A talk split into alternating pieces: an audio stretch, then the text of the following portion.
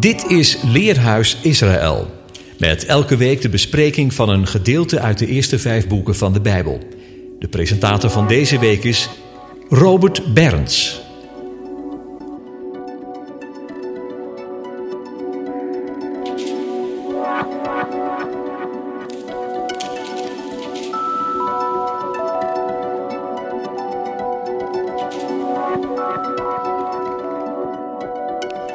Beste luisteraar, met Sabbat Bereshit beginnen we aan een nieuwe leescyclus.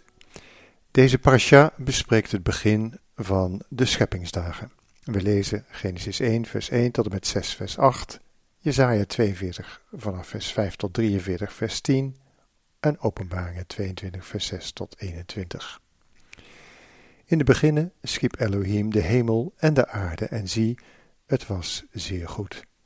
Het huwelijk tussen één man en één vrouw werd als fundament van de samenleving gezegend en nog voor de zondeval gegeven. Evenzo werd de scheppingsorde met Sabbat en Moedim in zijn vastgestelde tijden door zon, maan en sterren in het firmament vastgelegd en gezegend. De mens Adam werd door zijn schepper geleerd om een hof te bewerken en te bewaren en elk dier met zijn kenmerkende naam te benoemen. Adam ontving de naam Ish, die hij vervolgens aan zijn vrouw Ish-A geeft. Je bent zoals ik en vrouwelijk. Hij eerde zijn schepper en wandelde aan het begin van elke nieuwe dag in de avondkoelte in de hof in Gods nabijheid.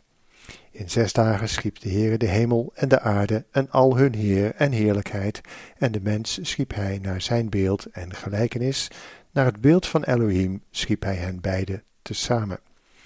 Op de zevende dag stopte hij met scheppen en schepte hij adem. Exodus 23, vers 12. Zo verkwikt zich de ziel en het lichaam krijgt rust. Noach. 2 Petrus 3, vers 8 vergelijkt een dag met een millennium, met duizend jaar. Doch dit ene mag u niet ontgaan, geliefde, dat één dag bij de Heer is als duizend jaar en duizend jaar als één dag. Daarmee pakt de apostel de gedachte op uit Psalm 90, vers 1, een gebed van Mozes, de man Gods. Heere, gij zijt ons een toevlucht geweest van geslacht tot geslacht, eer de bergen geboren waren en gij aarde en wereld had voortgebracht. Ja, van eeuwigheid tot eeuwigheid zijt gij God. Gij doet de sterveling weeën keren tot stof en zegt, keert weer. Gij mensenkinderen, want duizend jaren zijn in uw ogen als de dag van gisteren, wanneer hij voorbijgegaan is en als een nachtwaken. Als we de geschiedenis zo indelen, dan begint met Adam de eerste dag, de eerste duizend jaar. Die eindigt rond de geboorte van Noach en dat is het begin van het tweede millennium. De tweede dag, met Abraham het derde millennium en David wordt koning over de stammen van Israël rond de aanvang van het vierde millennium. Ten tijde van de geboorte van Yeshua start dan de vijfde dag. De vijfde en zesde dag, samen 2000 jaar, worden in de schrift profetisch de laatste der dagen genoemd, voordat het duizendjarig vrederijk aanbreekt met de zevende dag. Naar het zevende millennium zullen op de achtste dag de nieuwe hemel en aarde geschapen worden. Dat is de dag waarop het koningschap aan de Vader gegeven zal worden door zijn enig geboren zoon, Yeshua. Vorige week, na zeven dagen Loofhuttenfeest, werd het feest van de achtste dag, Jemini Atzeret, gevierd. De achtste dag is als de eerste dag, een nieuw begin. Het feest van de eerstelingen is op een eerste dag van de week, en na zeven volle sabbatten op de vijftigste dag is het eveneens op een eerste dag van de week een nieuw begin het feest der weken. Dan gedenken we de sluiting van het verbond tussen de Heere en geheel zijn volk, waarvan de Sabbat het teken is. In de Haftara-lezing wordt gesproken van een voortgaande schepping. Jesaja 43 vers 1, maar nu, zo zegt de Heere, uw schepper, o Jacob, en uw formeerder, o Israël, vrees niet, want ik heb u verlost. Ik heb u bij uw naam geroepen, gij zijt mijn. Zo staat het ook in Psalm 102, vers 19. Dit worden opgeschreven voor een volgend geslacht, en het volk dat geschapen zal worden, zal de Heere loven. Hij openbaart nog steeds zijn scheppingskracht, zoals bij de verbondsluiting op de berg Sinaï, in de uitstorting van de Heilige Geest tot de wedergeboorte, de kracht van zijn opstandingsleven. Wie hem in dit leven liefhebben, zullen de eeuwige, de tweede dood niet zien, zegt Yeshua in Johannes 8, vers 51. De tweede dood zal hen geen schade toebrengen. Openbaringen 2, vers 11 en 20, vers 6. In Psalm 104, vers, vanaf vers 29 staat: Verbergt gij uw aangezicht, zij worden verdelgd. Neemt gij hun adem weg, zij sterven en keren weer tot hun stof. Zendt gij uw geest uit, zij worden geschapen, en gij vernieuwt het gelaat van de aardbodem. De heerlijkheid des Heeren zij tot in eeuwigheid. De Heere verheugen zich over zijn werken. Ziet hij de aarde aan, dan beeft zij. Raakt hij de berg aan, dan roken zij. Ik zal de Heere zingen, zolang ik leef. Ik zal mijn God psalm zingen, zolang ik ben. Mogen mijn overdenking hem behagen. Ik zal mij in de Heere verheugen. De zondaren zullen van de aarde vergaan en de goddelozen zullen niet meer zijn. Loof de Heere, mijn ziel. Halleluja. Luistert u naar deze laatste verse van Psalm 104.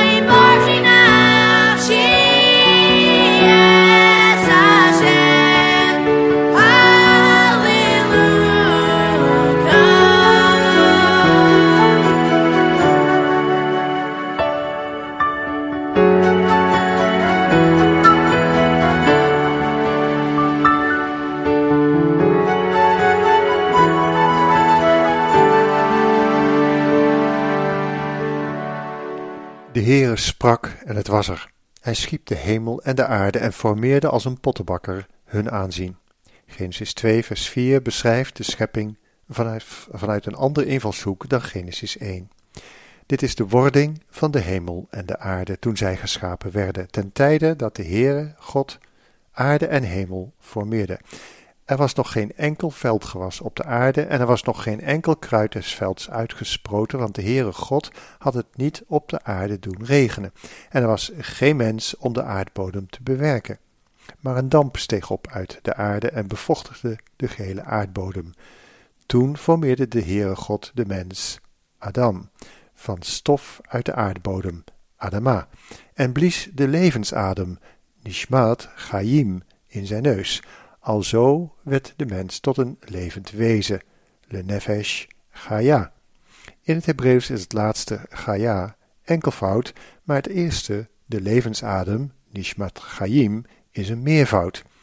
De levens werden door de, geest, de vader der geesten ingeblazen, zodat er met de levensgeest ook een levende ziel voortkwam.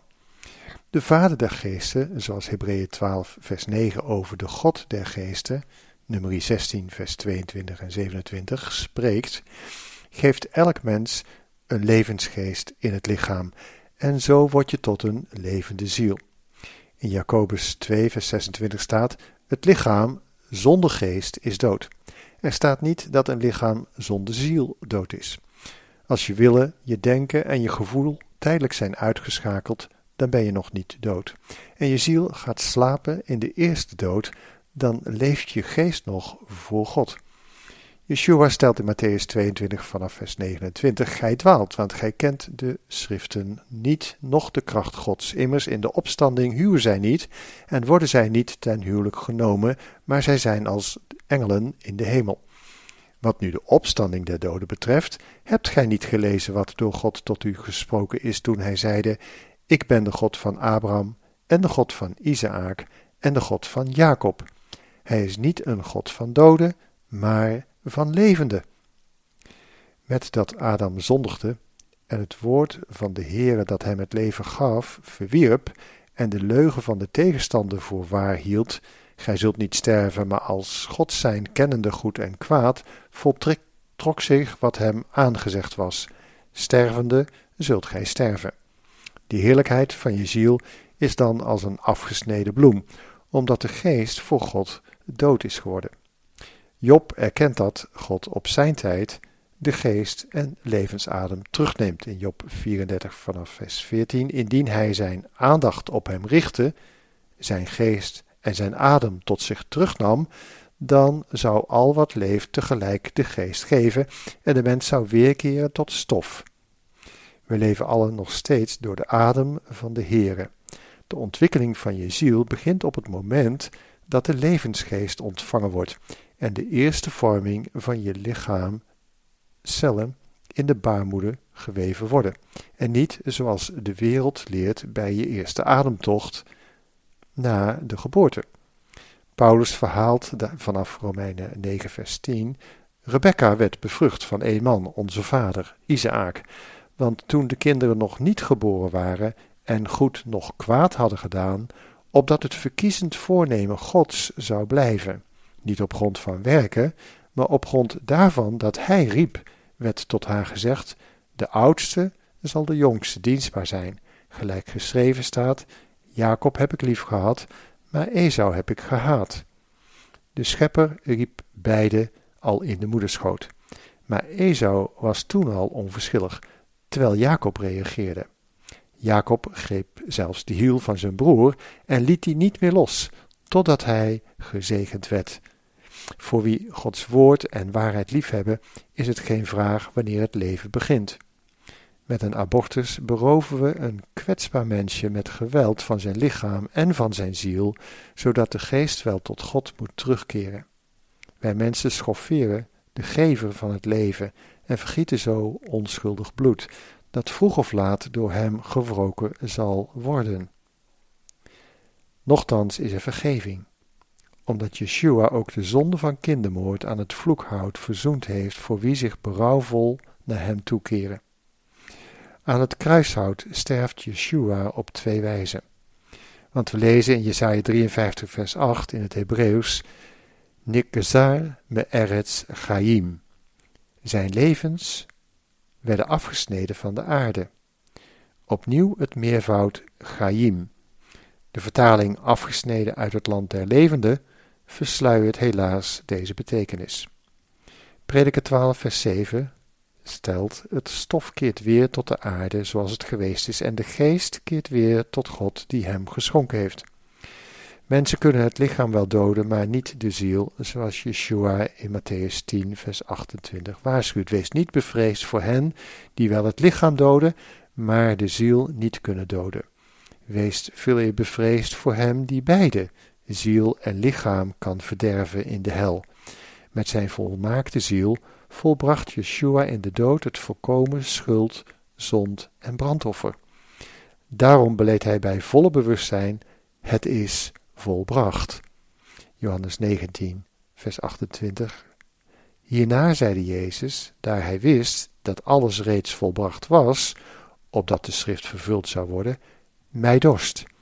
Er stond een kruik vol zure wijn. Zij staken dan een spons gedrenkt met zure wijn op een hyssopstengel en brachten die aan zijn mond. Toen Jezus de zure wijn genomen had, zeide hij: Het is volbracht. Daarna, stelt Lucas 23, vers 46, riep Yeshua met luider stem: Vader, in uw handen beveel ik mijn geest. En toen hij dat gezegd had, gaf hij de geest.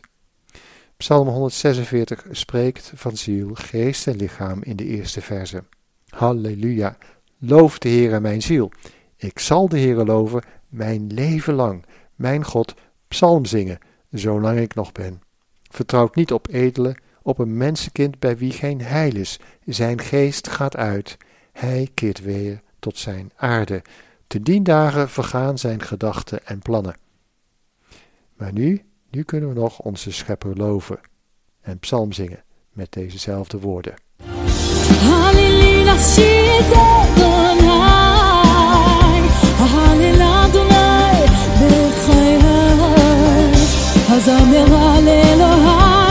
注定。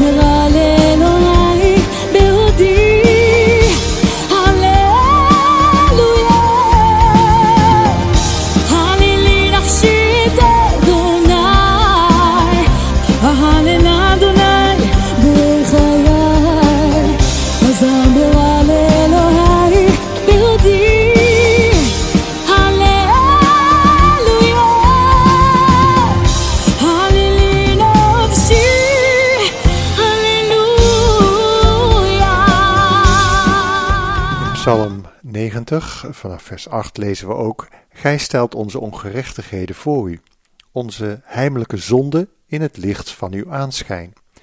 Daarom gaan al onze dagen voorbij door uw verbolgenheid. Wij voleindigen onze jaren als een gedachte. De dagen, onze jaren, daarin zijn zeventig jaren, en indien wij sterk zijn, tachtig jaren. Wat daarin onze trots was, is moeite en leed, want het wordt haastig afgesneden en wij vliegen heen. Hierin wordt over het leven van elk individu gesproken, de weg van iedere mens. In Genesis 6 vanaf vers 3 spreekt echter over de weg van de hele mensheid. En de Heere zeide, mijn geest zal niet altoos in de mens blijven, nu zij zich misgaan hebben. Hij is vlees. Zijn dagen zullen 120 cycli zijn. De reuzen waren in die dagen op de aarde en ook daarna, toen de zonen Gods tot de dochters der mensen kwamen en zij hun baarden. Dit zijn de geweldigen uit de voortijd, mannen van naam. Toen de Heere zag dat de boosheid der mensen groot was op de aarde en al wat de overleggingen van zijn hart voortbrachten te alle tijden slechts boos was, berouwde het de Heere dat hij de mens op aarde gemaakt had, en het smartte hem in zijn hart. En de Heere zeide, ik zal de mensen die ik geschapen heb, van de aardbodem uitroeien. De mensen, zowel als het vee en het kruipend gedierte en het gevogelte des hemels, want het berouwt mij dat ik hen gemaakt heb. Maar Noach vond genade in de ogen des Heren. Dit is de geschiedenis van Noach, de wordelingen van Noach staat er. Noach was onder zijn tijdgenoten een rechtvaardig en onberispelijk man. Noach wandelde met God. In Genesis 6, vers 17 want zie, ik ga een watervloed over de aarde brengen om al wat leeft waarin een levensgeest is van onder de hemel te verdelgen. Alles wat op de aarde is, zal omkomen. Maar met u zal ik mijn verbond oprichten. Als de Heer stelt, de mens is vlees, zijn dagen zullen 120 shana, cycli zijn, dan stelt de formeerder van hemel en aarde dat hij grenzen aan de wordingen van de mensheid heeft gesteld, opdat de boosheid en het geweld niet weer zo ver zal gaan dat het hem opnieuw in zijn hart zou smarten. Hij zal naar zijn belofte de dagen inkorten. Matthäus 24, vers 22, opdat er nog vlees behouden zou blijven om zijn vrederijk in het zevende millennium in te gaan. Het Hebreeuwse woord voor dagen is yamim en van jaren is het shana. De betekenis daarvan is een cyclus of een omwenteling in de tijd, een jaar of een opeenvolging van tijdperioden, een dupliceren of veranderen. Een jaar kan voleindigd zijn, evenals een periode van zeven jaren, het Smita-jaar. We zien regelmatig dagen dat dagen als jaren gelden. Bijvoorbeeld bij de profeet Ezekiel, als hij zoveel dagen op zijn zij moet liggen, als dat de jaren van vergelding zullen zijn over het huis van Israël en over het huis van Juda. Ezekiel 4, vers 5. Ook de jaren van een mens en de mensheid worden in de, dag, in de dagen geteld, maar die van de Heere zijn onbepaald. In Psalm 102 vanaf vers 26. Gij hebt voormaals de aarde gegrondvest, en de hemels het werk van uw handen, die zullen vergaan, maar gij houdt stand, zij alle zullen verslijten als een kleed. Gij verwisselt ze als een gewaad, en zij verdwijnen. Maar gij blijft dezelfde. Aan uw jaren komt geen einde. De Heer rekent in sabbats en juljaren. In Daniel 9, vers 24 lezen we: 70 weken, Shavuim, zijn bepaald over uw volk en uw heilige stad, om de overtreding te voleindigen, de zonde af te sluiten de ongerechtigheid te verzoenen en om eeuwige gerechtigheid te brengen, gezicht en profeet te bezegelen en iets allerheiligst te zalven. Het gebruikelijke woord voor week is Shavua en het meervoud Shavuot, zoals bij het feest der weken. Shavuim is een uitzonderlijke meervoudsvorm. Daarom wordt het vertaald met jaarweken. Maar wat is een jaarweek? Eén interpretatie is een periode van zeven jaar, om daarmee deze profetie uit te kunnen leggen. We gaan dan echter voorbij aan de context en het vervolg van de tekst. Wanneer is de overtreding voleindigd? Wanneer zal de zonde afgesloten zijn? De zonde verzoend? De eeuwige gerechtigheid openbaar worden? Gezicht en profeet bevestigd zijn en de heilige gezalfd worden? Bedenk dat wanneer onze hoge priester Yeshua ten tweede male zonder zonde gezien zal worden, dat dan pas zijn verzoeningswerk in de hemelsgewesten voltooid, volledig voltooid zal zijn. Hebreeën 9 vers 28. Op die dag en die zaligheid wachten wij, dan zal zijn koningschap en vrederijk aanbreken. 70 perioden zijn bepaald over Gods volk en over de heilige stad. Wanneer werd Israël een volk? Toen zij naar Gods bevel, tot wel zevenmaal aan Mozes gericht, uit Egypte trokken. Dat was aan het einde van het 49ste jubeljaarperiode. Als 70 perioden daaraan toegevoegd worden, brengt ons dat aan het einde van de 119e jubeljaarperiode en het 120ste jubeljaar. 50 en 70 jubeljaren opgeteld geven 120 cycli van jubeljaarperiode. Opeenvolgingen van 49 jaar. De Heere wil dat we onze levens inrichten volgens jubeljaarperiode. zoals Leviticus 25 voorschrijft. Zo geredeneerd leven we nu halverwege de 119e jubeljaarperiode. Een jaarweek, Shavuim, zoals Daniel noemt, zou een periode van jubeljaar tot jubeljaar kunnen zijn. Periode van 49 jaar, zeven volle sabbatsjaren. Het vijftigste jaar is daarin tegelijkertijd het eerste van een nieuwe sabbatsjaarperiode van zeven jaren. Een andere vaak herhaalde interpretatie is dat een mens niet ouder zou kunnen worden dan 120 jaar, of dat Noach 120 jaar aan de ark zou hebben gebouwd. Ook bij deze interpretaties zijn de nodige kanttekeningen te maken. In Psalm 78 vanaf vers 38 herhaalt dan ook enkele woorden uit Genesis 6. Maar hij, de barmhartige, verzoende de ongerechtigheid en verdierf niet. Hij wendde menigmaal zijn toren af en wekte zijn volle grimmigheid niet op. Hij gedacht dat zij vlees waren, een ademtocht die vervliegt en niet wederkeert. Hoe vaak waren zij weerspannig tegen hem in de woestijn en griefden hem in de, in de wildernis en verzochten God wederom en krenkten de heilige Israëls. Omdat de schepper weet dat onze geest wel gewillig kan zijn, maar het vlees zwak is en door de wet tot zonde geprikkeld wordt, heeft hij door het geloof een nieuwe heilsweg voor de mens geopend in de Messias, de Zoon en de hoeksteen van zijn huis. Laten we luisteren naar die gedeelte uit Psalm 118, waarin de nieuwe dag, de achtste, bezongen wordt. Dit is de dag die Hij gemaakt heeft. Laten we ons verheugen en verblijden. It feels so hopeless, treading through the mud, crying to heaven to lift me up. You heard me and you set me free. Look into the eye of my where I can't be touched without fear, within your love. Rushing in, they have surrounded us, thorns on fire, hot and gone like dust. All the nations, they're closing in, pushed me hard. I was falling. God stepped in and He picked me up. In the name of the Lord, I will cut them off. Oh, let Israel say, His love is forever. Let the house of Aaron say, Let all those who fear God say, Oh, let Israel say, His love is forever. Let the house of Aaron say, Let all those who fear strength, my song come from my God, and He has become my Yeshua, salvation.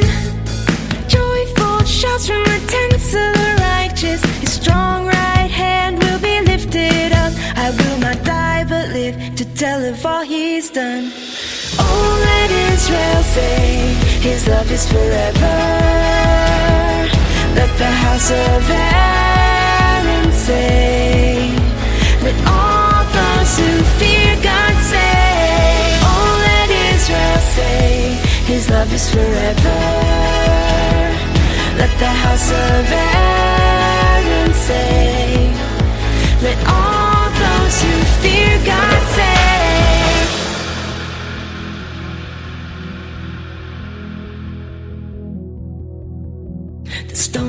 the builders rejected has become chief cornerstone, my cornerstone. This is the day that God has made.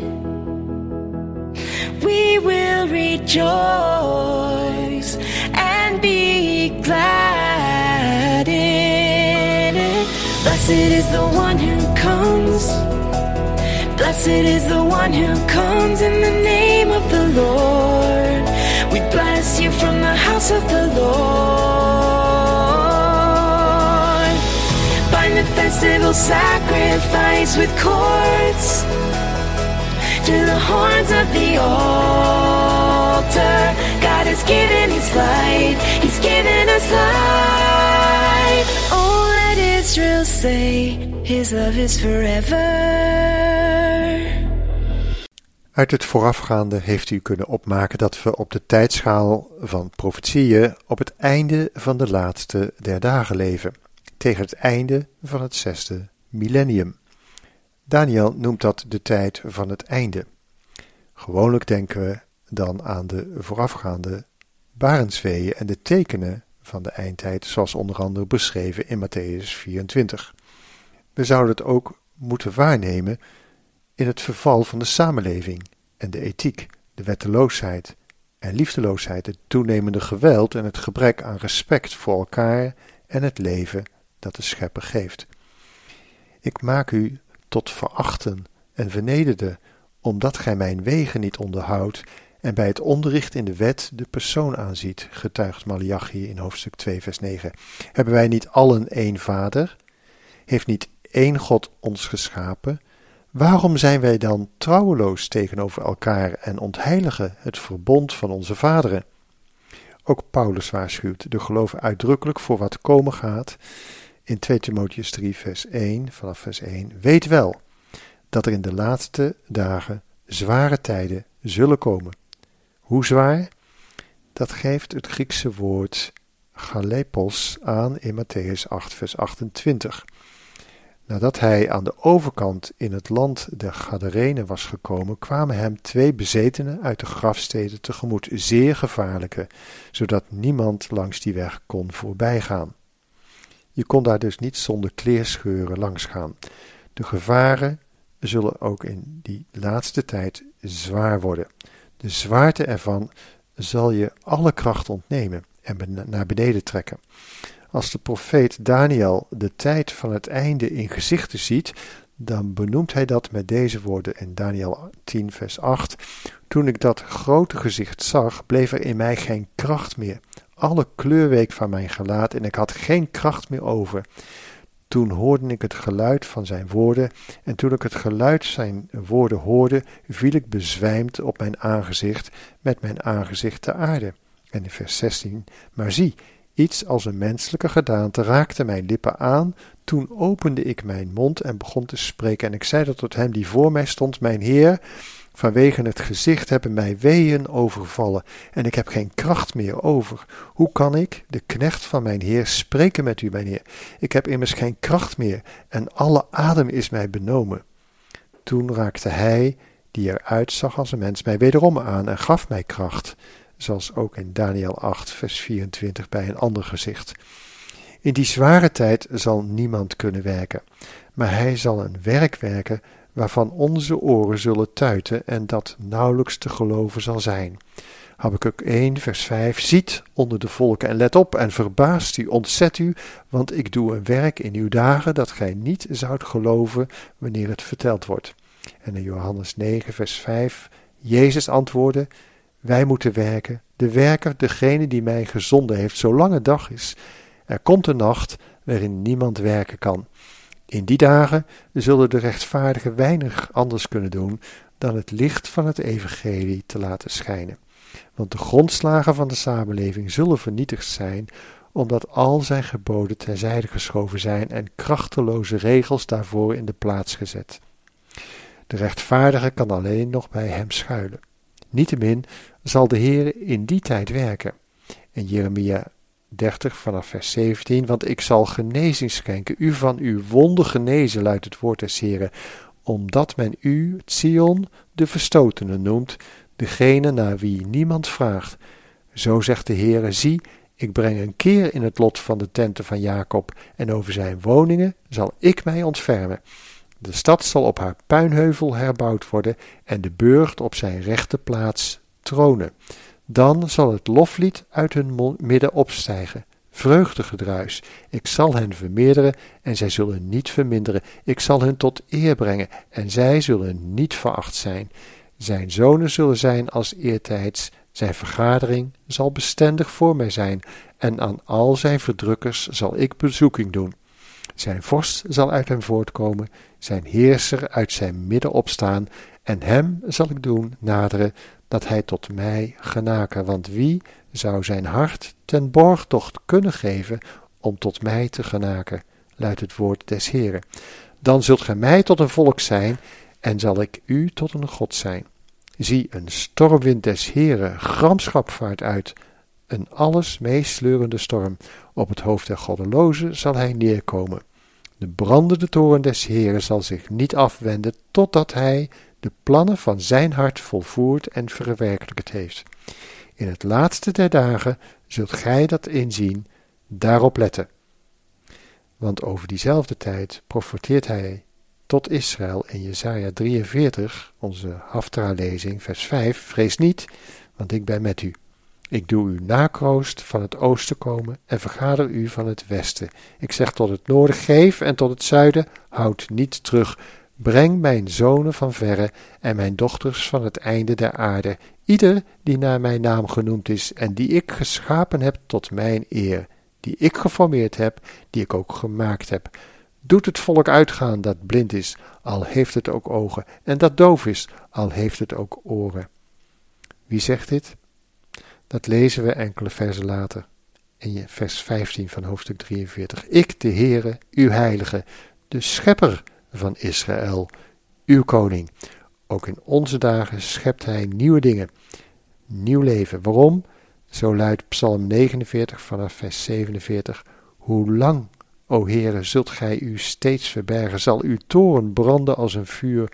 Gedenk van hoedanige eeuw ik ben. Waarom zoudt gij alle mensen, alle mensenkinderen voor niets geschapen hebben?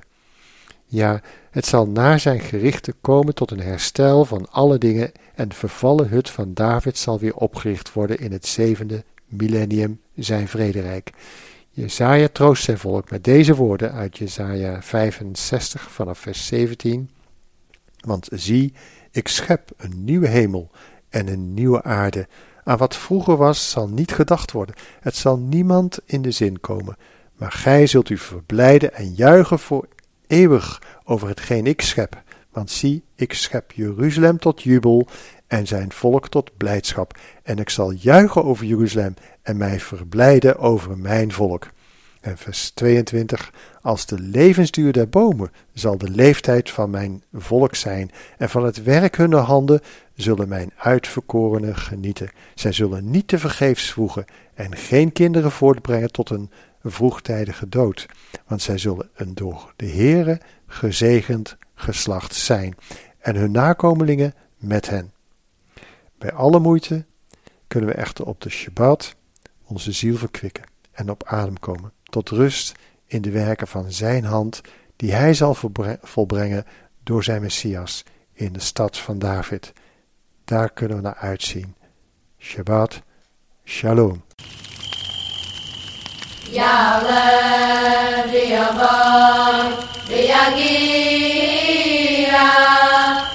lev